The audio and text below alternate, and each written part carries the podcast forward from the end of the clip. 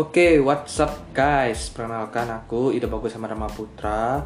Bisa dipanggil dengan Gus Rama. Sedikit pengenalan dari aku Biar kalian bisa mengenal aku lebih dalam. Seperti pepatah mengatakan Tak kenal maka tak sayang. Perkenalkan, aku Ida Bagus Rama Dharma Putra. Kalian bisa memanggil aku dengan Gus Rama Aku merupakan mahasiswa Fakultas Ilmu Sosial dan Ilmu Politik Universitas Udayana yang sedang ini mengikuti program studi Ilmu Politik. Dengan NIMku 18125414040. Mungkin itu sedikit pengenalan dari aku dan bagaimana dengan kabar kalian? Aku harap kalian baik-baik aja dan tetap sehat. Jangan lupa jaga kesehatan mulai dari mencuci tangan, menggunakan masker, dan tidak lupa minum vitamin agar kalian tetap fit dalam situasi saat ini yaitu pandemi COVID-19. Oke, langsung saja pada intinya kali ini aku membuat podcast yang bertemakan mengenai korupsi. Sekaligus podcast ini menjadi wasku dalam mata kuliah politik anti korupsi. Jadi buat kalian selamat mendengarkan podcast podcastku ini. Mengenai korupsi, pasti kalian sudah tak asing mendengarkan kata korupsi. Pastinya, ya korupsi menurut pandangan pandanganku pribadi merupakan suatu tindakan buruk yang menyelewengkan atau penyalahkan ke, kegunaan keuangan negara demi kepentingan pribadi atau kelompok yang merugikan negara. Jadi, berdasarkan Undang-Undang Nomor 31 Tahun 1999 Korupsi merupakan tindakan setiap orang yang secara langsung melawan hukum dan melakukan perbuatan yang memperkaya diri sendiri atau orang lain atau juga suatu korporasi yang dapat merugikan keuangan negara atau perekonomian negara. Jadi dalam kasus korupsi ini hal yang mendasari terjadinya korupsi itu mulai dari adanya dua faktor, yaitu dari faktor internal dan faktor eksternal. Dari faktor internal merupakan faktor yang berasal dari dalam diri seseorang, yaitu diri kita masing-masing. Persepsi terhadap korupsi atau pemahaman seseorang mengenai korupsi tentu tentu itu hal yang berbeda-beda. Salah satu penyebab korupsi di Indonesia mas adalah masih bertahannya sikap primitif terhadap praktik korupsi karena belum ada kejelasan mengenai batasan bagi istilah korupsi. Sehingga terjadi beberapa perbedaan pandangan dalam melihat pengertian dari korupsi itu. Jadi, ditambah dengan sifat diri manusia yang serakah dan mementingkan pribadinya, serta adanya masalah faktor dalam segi ekonomi, jadi banyak para ahli melakukan dan menuangkan pemikirannya mengapa atau penyebab terjadinya korupsi di Indonesia yaitu seperti mungkin peninggalan pemerintahan kolonial. Yang kedua, kemiskinan dan ketidaksamaan. Yang ketiga, adanya gaji yang rendah. Persepsi yang populer. Peraturan yang bertele-tele. Kemudian pengetahuan yang tidak cukup dari bidangnya. Nah, dilihat dari aspek atau diri manusia, yaitu satu diri manusia memiliki sifat yang rakus dan tamak, yang tidak pernah puas apa yang mereka dapatkan. Hal ini menimbulkan suatu tindakan korupsi. Yang kedua, moral yang tidak kuat.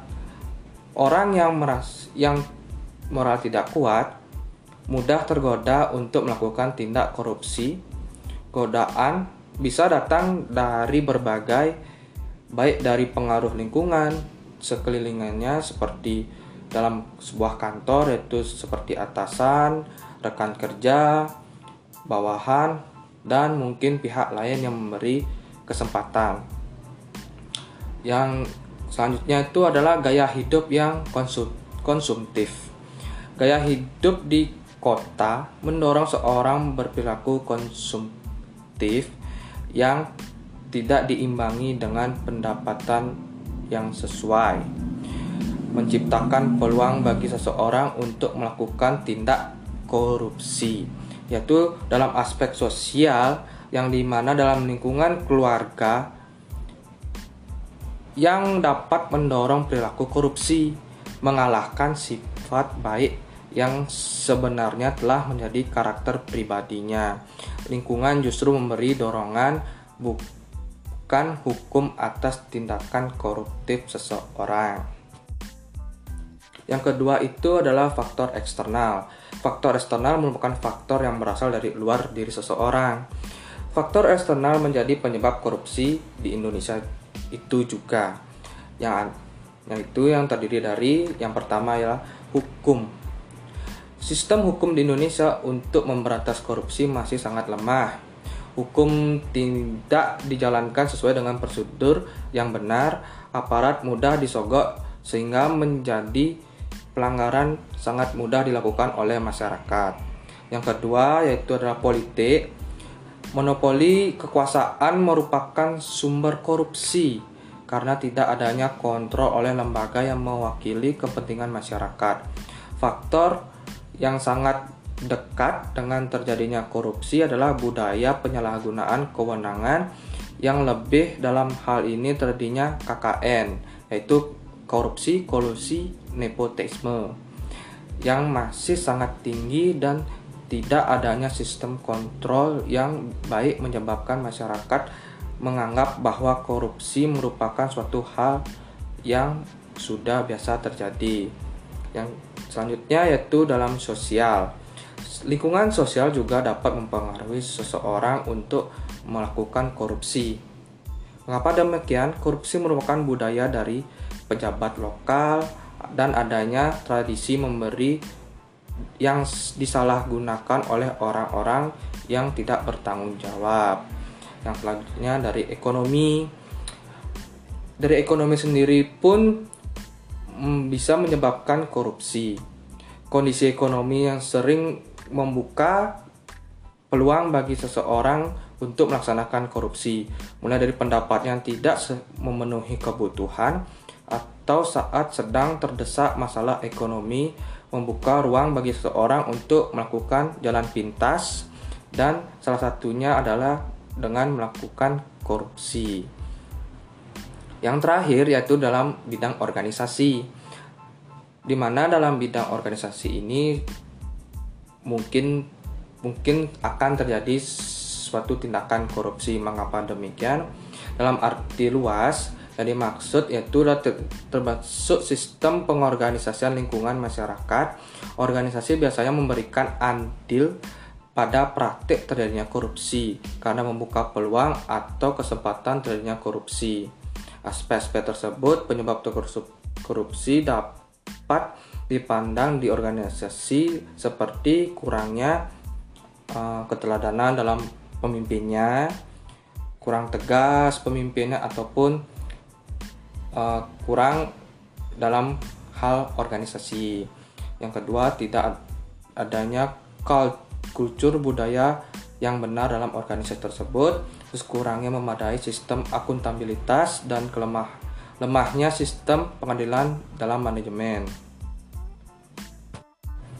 Nah, kemudian aku ingin menjelaskan bagaimana sih tantangan atau hambatan Indonesia dalam Eh, kasus korupsi ini terjadi, mungkin saja dalam upaya pemberantasan korupsi bukan hal yang mudah. Meski sudah dilakukan berbagai cara upaya untuk pemberantasan korupsi, masih ada beberapa hambatan dalam pelaksanaan mulai dari operasi tangkap tangan, OTT yang sudah sering disering dilakukan oleh pihak KPK, namun tuntutan dan keputusan yang dijatuhkan oleh penegak hak, penegak hukum juga sudah cukup keras, namun hal itu masih saja terjadinya korupsi. Mungkin tantangan atau hambatan yang dirasakan oleh negara kita ini mungkin mulai dari hambatan struktural yaitu hambatan yang bersumber dari praktik-praktik penyelenggaraan negara dan pemerintahan yang membuat penanganan tidak tindak pidana korupsi tidak berjalan sebagaimana mestinya. Di mana dalam hambatan struktural ini yang termasuk yaitu dalam kelompok ini di antaranya egoisme sektoral dan institusional yang menjuru, menjurus pada pengajuan dana sebanyak-banyaknya untuk sektor dan instansi tanpa memperhatikan kebutuhan nasional secara keseluruhan serta berupaya menutup-nutupi penyimpangan yang terdapat di sektor instansi yang bersangkutan. Yang kedua adalah hambatan kultural, di mana hambatan kultural ini bersumber dari kebiasaan yang negatif yang berkembang di masyarakat. Yang termasuk dalam kelompok ini di antaranya uh, sikap sungkan dan toleran di antara aparatur pemerintah yang dapat menghambat penegak penanganan tindak pidana korupsi. Yang ketiga yaitu ada hambatan instrumental yang, yang di mana hambatan ini bersumber dari kurangnya instrumen pendukung dalam bentuk peraturan perundang-undangan yang membuat penanganan tindak pidana korupsi tidak berjalan sebagai mestinya.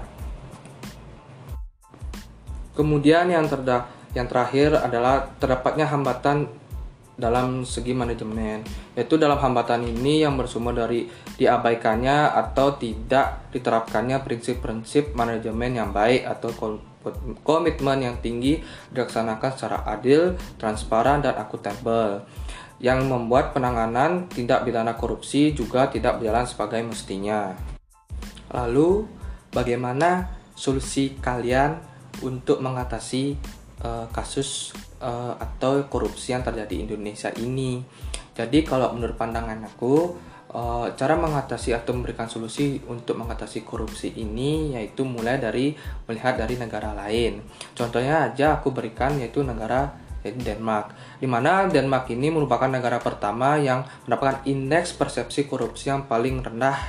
Di mana dalam sistem integritas bagi aparat penegakan hukum dalam bidang akademik, hal ini digunakan untuk memberikan pemahaman dan komitmen yang mereka lakukan untuk pemberantasan tindak pidana korupsi.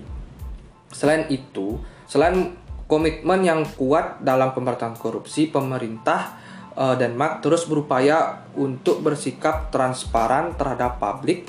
Bahkan parlemen Denmark tidak akan memberi hak imunitas bagi anggota dewannya yang terlibat dalam kasus korupsi tersebut. Nah, hal ini bisa di, dicontohkan ke negara kita untuk mengatasi kasus korupsi di, yang terjadi di Indonesia. Yang kedua yaitu meningkatkan nilai kejujuran, kepedulian, kemandirian, kedisiplinan, tanggung jawab, kerja keras, kesederhanaan, keberanian, keadilan, dan budaya malu. Bisa aku akan memberikan contoh yaitu meningkatkan nilai kejujuran yaitu pada anak kecil, mulai dari uh, bangku sekolah. Mungkin dengan contoh yaitu dengan kantin kejujuran, di mana dalam sistem kerja kantin kejujuran ini aku melihat yaitu biar apa pun barang dagangan yang ada dalam kantin kejujuran dengan harga misal satu jajan itu adalah 2000 kita akan bayar sesuai dengan 2000 tidak adanya dan hal ini mengajarkan kita biar tidak melakukan suatu tindakan korupsi dan kebudulan kita terhadap gimana uh, niat dalam kebijakan sekolah ini memberikan dampak yang baik. Kemudian kedisiplinan kita. Aku memberikan contoh mungkin kita dalam disiplin waktu. Misal acara kita buat alarm mulai dalam jam 3 sore, kita harus berdisiplin waktu mungkin kita datang sebelum jam 3 sore agar waktu acara kita buat tidak terlalu mulur atau molor dalam waktu dan tanggung jawab kita dalam acara itu akan berjalan dengan sesuai dengan yang kita inginkan. Kemudian yang ketiga yaitu ada meningkatkan akutabilitas dan transparansi yang di mana kita ketahui dalam akutabilitas itu merupakan kesesuaian antara aturan dan pelaksanaan kerja sehingga semua proses kebijakan yang dilakukan secara terbuka menimbulkan suatu transparansi sehingga segala bentuk penyimpangan yang dapat kita ketahui dan diketahui oleh publik seperti proses dalam penganggaran, proses penyusunan kegiatan, proses pembahasan, proses pembahasan pengawasan hingga proses evaluasi. Dan yang keempat yaitu perbaikan sistem yang kita ketahui banyak sistem yang Indonesia justru membuka celah terjadinya tindak pidana korupsi, misalnya prosedur pelayanan publik yang menjadi rumit sehingga memicu terjadinya penyuapan dan sebagainya. Lainnya tentu masih banyak, tidak saja yang berkaitan dengan pelayanan publik tetapi juga perizinan pengadaan barang dan jasa dan tentu saja harus dilakukan perbaikan karena sistem yang baik bisa meminimalisasi terjadinya tindak pidana korupsi. Dan yang terakhir, uh, solusi yang aku berikan yaitu meningkatkan supremasi hukum yang yang di mana kita ketahui kekuatan hukum sangat perlu uh, diperlukan untuk menegakkan keadilan. Ketika hukum tidak berfungsi sebagaimana mestinya, sesuai dengan tidak sesuai dengan fungsinya, maka kepercayaan publik akan hilang serta dengan membangun supremasi hukum yang kuat, maka pelaku-pelaku yang melakukan korupsi yaitu koruptor tidak menemukan celah untuk melancarkan aksi mereka. Dengan membangun supremasi hukum yang kuat adalah dengan cara memperlakukan hukuman secara adil tanpa pilih kasih sehingga tidak ada lagi uh, koruptor atau manusia yang kebal akan hukum. Nah, mungkin demikian penjelasan aku mengenai korupsi di Indonesia di negeri kita ini dalam podcastku ini mulai dari kita belajar dari penjelasanku yaitu mulai dari pengertian korupsi, faktor terjadinya korupsi, upaya apa yang mendasar darinya korupsi itu habis itu kemudian upaya pencegahan korupsi. Nah, buat aku terima kasih buat teman-teman yang sudah mendengar podcastku ini dari awal sampai akhir. Aku harap dari podcast ini dapat memberikan pengetahuan atau wawasan bagi teman-teman atau dan aku minta maaf bila ada salah kata dalam perkataanku. Mungkin sekian dari podcastku ini dan tetap jaga kesehatan kalian. See you the next podcast. Bye bye.